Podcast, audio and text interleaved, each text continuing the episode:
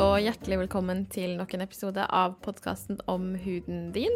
Jeg heter Marit Berg-Mathisen, og jeg sitter her på Jungstorget på Hudklinikken sammen med deg, Anne Birgitte Thomas Nordahl. Hei. Hei. Superhyggelig at du har lyst til å være med. Og takk for at jeg ble invitert til å prate. Kan ikke du si litt om deg selv? Det kan jeg, vet du. Um, utdannet lege og var ferdig da i 2007. Så etter turnus så jobbet jeg litt på indremedisinsk avdeling og litt på revmatologisk avdeling. Um, og endelig så kom jeg da inn på hud, som var det jeg ønsket å utdanne meg til å bli hudlege. Så da var jeg litt i Haugesund og fullførte utdannelsen på Haukeland. Og etter at jeg var ferdig spesialist, så fikk jeg en deltidsstilling på hudavdelingen på Rikshospitalet. Samtidig som jeg fikk jobb da som hudlege her hos uh, Jon Langland. Uh, og det er her jeg da hovedsakelig jobber. I tillegg så skriver jeg litt artikler for Lommelegen.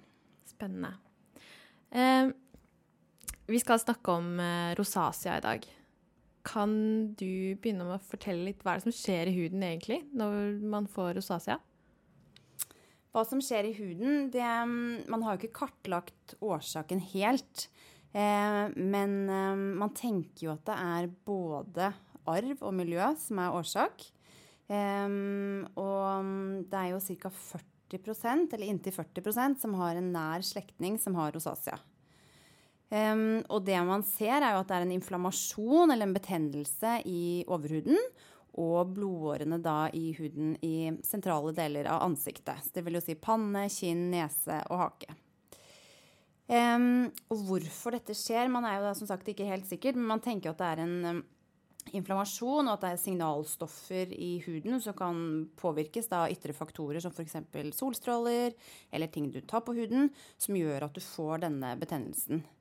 Um, og så er det jo også en teori om at uh, Eller alle har jo normalt hudbakterier, altså en normal hudflora på huden, og også små midd, demodex-midd. Eh, og disse har vi alle, men så tenker man at kanskje noen reagerer litt eh, ekstra på disse middene og kan få da en sånn betennelse i huden. Eh, og så er det jo noe man etter hvert ser mer og mer på, er jo også om det kan ha noe med tarm, om det kan være noe overvekst av noe tarmflora, eh, om det er noe hormonelt som ligger bak. Men dette her må man jo da se nærmere på. Når og hvordan er typisk at det debuterer? Det debuterer typisk i sånn 30-40-årsalderen. Eh, men jeg har også hatt folk opp i 60-årene som også plutselig har fått et utbrudd. Um, og det varierer jo hvor mange som egentlig får det. Eh, men i befolkningen så er det vel estimert liksom mellom fem og ti. Opptil ti. Men det er nok utrolig underdiagnostisert tilstand. For det er jo veldig varierende symptombilde, og det er jo de færreste som egentlig oppsøker lege eh, for å få diagnosen. Hmm. Ja. Du kan jo beskrive litt hvordan klinikken er. Hvordan, hvordan er symptomene ved rosacea? Symptomene ved rosacea er jo ofte mm, De kan være litt variable. Men ofte så starter det med at man har en tendens til flushing, litt rødming. Um, og etter hvert så kan de bli mer vedvarende rødhet, som da sitter sentralt i ansiktet, som jeg sa tidligere, som da ofte er særlig på kinnet, over nesen og litt i pannen og på haken. Um, og så kan noen oppleve å få litt sånn kviselignende utslett. Um, og da er det typisk ikke de kvisene du får som, som, når du var tenåring. For disse alle på en måte ligner på hverandre. Masse små røde prikker, og du har ikke hudormer eller noe sånn som du hadde eh, når du har vanlige kviser, men bare røde kviser, rett og slett. Samme fase som vi hudleger kaller det. Um, så kan du også få litt forstørrede talgkjertler, gjerne på nesen. Um, ofte så føler du deg veldig sensitiv i huden. Det er veldig mange pasienter som kommer til meg og sier jeg skjønner ikke hva det er med huden min, jeg tåler ingenting. Jeg tåler ikke kremer, solkrem, ditt og datt.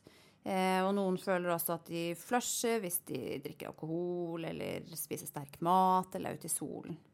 Så det er jo typisk, Hovedsymptomet er vel det at man føler at man ikke har helt kontroll på huden sin. Den er liksom litt vanskelig og tverr, rett og slett. Ja. Den er litt off. Litt off og litt vanskelig. Tåler lite. Ja. Eh, har dere et system for hvordan dere deler de inn?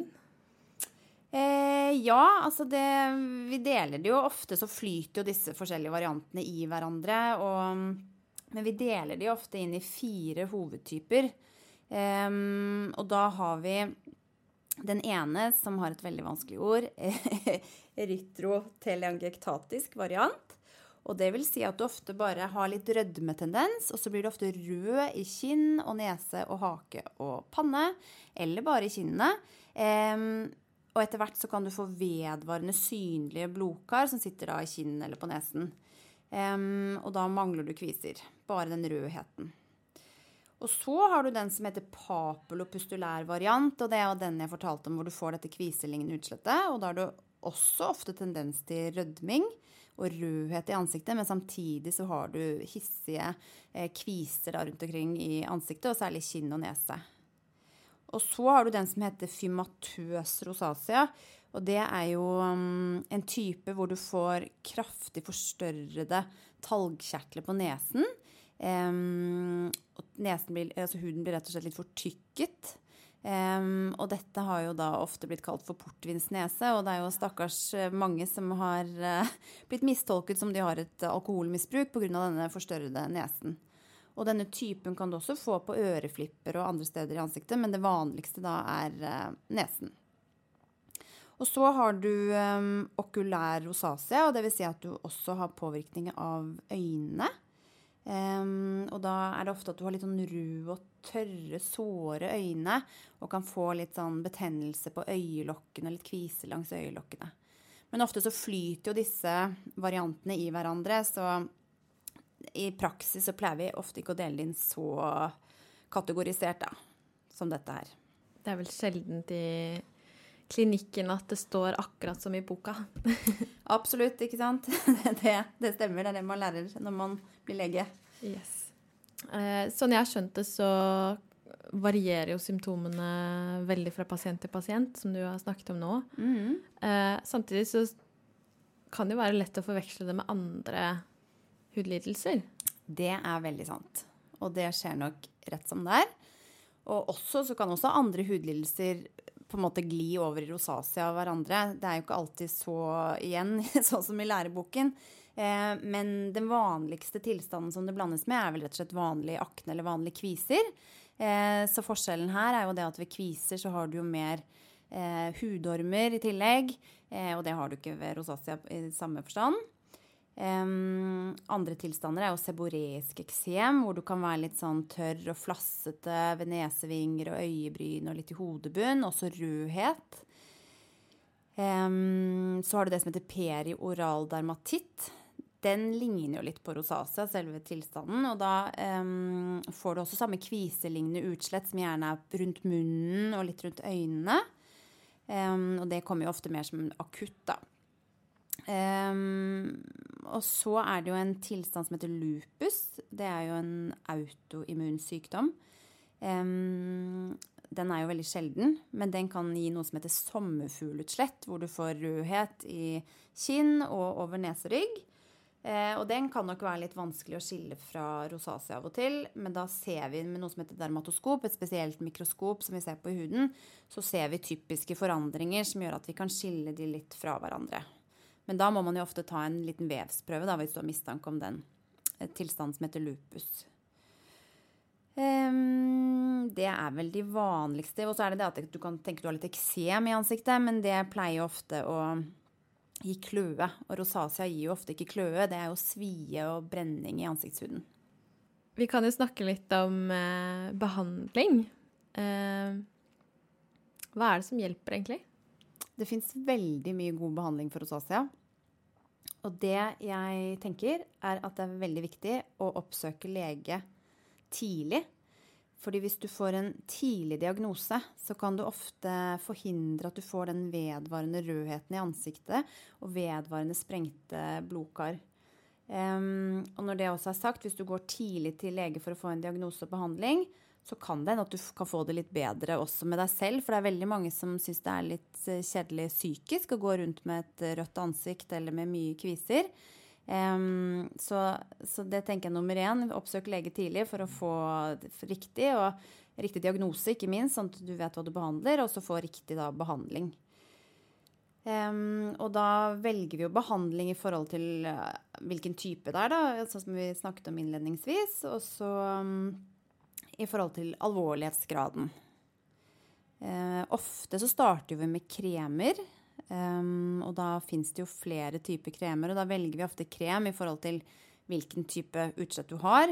Um, har du hissig med kviselignende utslett og rødhet, så velger jeg ofte en krem med Ivermectin, um, som pleier å ha veldig god effekt på det. Man får ofte litt forverring i starten, og så blir du bedre. Um, eller da den, en krem som inneholder metronidazol, som også har en sånn bakterisid og antiinflammatorisk effekt. Um, ellers er det noe som heter asialinsyre, som vi også bruker veldig mye. Ofte bare for de som har den hvor du er rød i huden og har litt inflammasjon, men også de som har litt småkviser, men ikke så mye kviser. Den er en veldig, veldig fin krem. Um, før så fikk man jo blandet ut spesialkremer med svovel, men det kostet så mye å få laget spesialresept på det, så det eh, lager vi ikke på resept lenger. Um, hvis det da er ganske hissig rosacea, så pleier jeg ofte å starte med antibiotikabehandling. Som vi er ikke på jakt etter antibiotikaeffekten, men en sånn antiinflamatorisk effekt. Så det er for å få roet ned inflammasjonen og betennelsen i huden. Og da gir jeg det eh, sammen med krembehandling. Og det pleier å ha ganske god effekt. Eh, særlig med de som har dette kviselignende utslettet, eller de som har den med de forstørrede talgkjertlene. Eh, hvis, um, hvis, man har måttet på en måte får tilbakefall idet du er ferdig med den tablettkuren med antibiotika, eh, og pasienten ikke skal bli gravid, så pleier jeg ofte også å starte med det som heter isotretinoin, så er jo A-vitaminsyre, eh, for å roe ned talgkjertlene. Og da gir jeg det ofte lavdose. Um, veldig lav dose, så du ikke får så mye bivirkninger, men du får på en måte bare effekten av denne A-vitaminsyren. Um, og da må man ofte stå på den behandlingen da, over lengre tid, og da kombinerer jeg også ofte det med kremer. Um, samtidig så pleier jo vi her på hudklinikken å gi veldig mye karlaserbehandling. Eh, for det ser vi både reduserer rødheten, men også vil faktisk eh, hindre den utbruddshyppigheten. Så det er mange som syns de har god nytte av det. Um, og så er det jo generelt sett at vi Jeg anbefaler jo da hudpleie som, som ikke trigger på en måte utslettet. At du bruker tyntflytende kremer, flink med solkrem. Ja. Snill hudpleie. Eh, det du har nevnt til nå, er det, det er vel stort sett reseptbelagte produkter alt sammen, eller? Det jeg har nevnt til nå, er jo reseptbelagte produkter, ja. Um, og det er jo ikke alltid man trenger det. Eh, og da er det jo også igjen, hvis du lurer på om det er noe med huden din, den brenner, er sensitiv, kanskje det kan være lurt å gå til en lege og få en diagnose, for det kan jo hende du ikke har rosacea i det hele tatt, at du bare har sensitiv hud. Um, og da trenger du ikke reseptbelagte midler. Da holder det med å finne hudpleie som ikke irriterer huden din, um, og som gir en god hudbarriere og har beroligende effekter på huden. Uh, og da, så lenge du vet ok, jeg har sensitiv hud, da hadde jeg gått på apotek eller et eh, sted hvor de selger hudpleieprodukter, og spurt om eh, altså produkter da, mot sensitiv hud. Um, og hvis du er i jakt på noen ingredienser som skal virke litt beroligende og være litt aktive, så er det jo ofte asialinsyre, som vi også har i den reseptbelagte kremen, men i lavere prosentandel, som man kan se etter. Eh, og så er det jo også niacinamid eh, som også finnes i en rekke kremer. Eh, som kan være aktuelle. Noen kan reagere litt på den niacinamid, men de fleste tåler den, og den virker jo også da antiinflamatorisk. Og så er det jo det med svovel og sånn, som jeg nevnte tidligere, som også kan virke litt beroligende. Ja. Eh, det husker jeg vi lærte at man absolutt ikke skal bruke steroidkremer. Er det et poeng? Ja, det er et veldig godt poeng. Fordi eh, kortisonkremer er jo sånn at mange syns det Idet du bruker det på huden, så roer jo huden seg veldig fint ned. Eh, men eh, da er det jo noen som faktisk mens de bruker steroidkremer, eller særlig når du slutter med steroidkremer, kan få en såkalt rebound-effekt. Sånn at du får mer utbrudd og mer irritert hud. Dette gjelder jo særlig ved den perioraldermatitten med de kviselignende utsletter rundt munn og øyne, men er også absolutt gjeldende ved rosacea. Og det er jo noe som kalles steroid rosacea også. som eh, vi ser med de som har brukt mye kortison i ansiktet. Er det typisk folk som har, tror de har eksem, kanskje? Som Det kan være folk, ja, eller folk Ja. som har eksem, og som har brukt veldig mye sterke kortisonpreparater i Mm. ansiktet. Ja. Mm. Jeg har litt lyst til at du skal fortelle litt mer om laserbruk. Mm. For jeg, jeg vet ikke helt hvordan det egentlig fungerer. Hvordan gjør dere det i praksis? Mm. Nei, i praksis, sånn når pasienter kommer til meg, så, så nummer én så setter jeg diagnosen. Og så pleier jeg å starte med krembehandling, eventuelt med en tablettbehandling samtidig hvis det er veldig hissig. Eh, og så ser jeg det til kontroll etter noen måneder og hører hvordan det går, og da har det ofte roet seg. Og da, hvis det er vedvarende rødhet eller sprengte blodkar i ansiktet, så pleier jeg å starte med laserbehandling som en tilleggsbehandling da, til kremene og tablettene. Um, og det vi gjør da, er jo laser er jo på en måte en konsentrert, sterk bølgelengde, hvor vi da um, bruker det røde i huden, eller i blodårene, da, som målorgan for den sterke laserstrålen. Så både pasient må ha på briller, og lege må ha på briller. Eh, og så skyter vi da på blodårene. Så da forsvinner de etter hvert. Samt um, har vi også en innstilling hvor vi kan hjelpe til hvor vi får med den diffuse rødmusheten og diffuse rødheten. Eh, og dette kan også hjelpe faktisk litt mot rødmetendens og sånn. Ja. Så fins det jo forskjellige typer laser, da. Så det er jo en egen forelesning, egentlig, det med lasere. eh, men um, vi har jo da en, én type laser, og så fins det jo det er jo to hovedtyper av karlasere. Det er jo noe som heter PDL, og så er det den som heter KTP, som vi har. Og så er det jo også noen som bruker sånn intenst pulset lys, som heter IPL. Men den har ikke vi her, da. Vi syns den KTP-en er best. Ja. Og mest effektiv. Mm. Er det noen bivirkninger ved laser? Ser dere noen senvirkninger? Veldig, så lenge du på en måte har riktig indikasjon, passe på kontraindikasjoner. Eh, hvis pasienten er brun, f.eks., så unngår vi å ta laser. Eller går ned i styrke. Eh, så det er veldig lite bivirkninger når man gjør det på rette indikasjon og med rette styrke. Eh, men de fleste blir jo litt hovne i huden. Eh, og har vi tatt mye laser, så kan du bli ganske hoven sånn opp rundt øynene også noen dager. Men rett etter laser så sitter du med isposer og kjøler ned, og da hindrer vi jo mye av den, de bivirkningene. Um, man kan også sove med hodet litt opp, eller ja. Så, så de, de, de, bivirkningene med hevelse pleier å gå over i løpet av sånn tre til fem dager. Eh, som du sa innledningsvis, så er det jo eh, ikke helt klart hva som egentlig er årsaken til sykdommen. Men vi vet jo en del om ulike faktorer som kan forverre det. Kan du ikke si litt om det? Mm. Um, og det er jo egentlig også derfor det er veldig viktig å oppsøke lege, så du får en diagnose. For da kan også legen spørre om forskjellige typiske triggere, sånn at man kan unngå de og ja, lære å takle tilstanden da, på en bedre måte. Men typiske triggere er jo ultrafiolett stråling fra solen. Så sånn som nå så har jeg veldig mange rosacea-pasienter med ganske hissig utslett. Eh, og det man tenker her, er jo at disse UV-strålene eh, påvirker huden med å sende ut signalstoffer, som igjen da kan lage denne inflammasjonen eh, med, i hud og blodårer. så solbeskyttelse er veldig viktig. Og så er det jo noen som syns at f.eks. sterk mat kan trigge et anfall eller utbrudd. At rødvin eller uh, alkohol da, kan være med å trigge det. Jeg tror tørr hvitvin er bedre enn en tung rødvin. Men Og så er det jo varme drikker. Kaffe, f.eks. Koffein. ting som får blodårene til å utvide seg. Um, og så er det jo sterke kremer. ikke sant? Det er jo da typisk også den rosacea-huden at du kjenner forverring. Fins jo mye ansiktsmasker som har litt sånn mentol og som skal lage en sånn kjølende effekt. Det er jo også noe som kan trigge et utbrudd, og da er det jo ofte innholdsstoffer som mentol, eukalyptus, peppermynte. Eh, fruktsyrer, sånn som glykolsyre, som er populært innen hudpleie, kan hos de fleste tåler den, men hos noen så kan det på en måte også trigge det. Um, og sterke sånn som retinol eller A-vitaminsyrer på huden kan hos noen også trigge et utbrudd. Når det er sagt, så er det så lenge du har kontroll på tilstanden din, kontroll på din rosacea, så, så kan man fortsatt bruke retinol og sånne ting hvis man er interessert i det. Men altså kontroll på tilstanden først. Ja. Litt stress, nei, litt søvn, eksempel, kan være med. Stress. Mye. typisk stress, mange som sier det. Ja. Mm.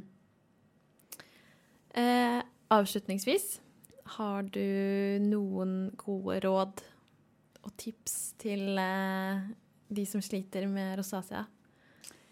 Jeg tror mitt beste råd er at dersom du føler det er noe med huden, den er litt sensitiv, litt, du får den ikke helt til, eh, lurer på om du har rosacea, så er det å oppsøke lege tidlig. For får du riktig diagnose Det kan jo hende det er noe annet, som jeg sa innledningsvis, men, men hvis du får riktig diagnose og kommer tidlig i gang med behandling, så kan du unngå mye plager eh, med huden din. Ja. Veldig hyggelig at du hadde lyst til å stille opp, eh, Anne Birgitte. Tusen takk for at jeg ble invitert. OK, ha det bra.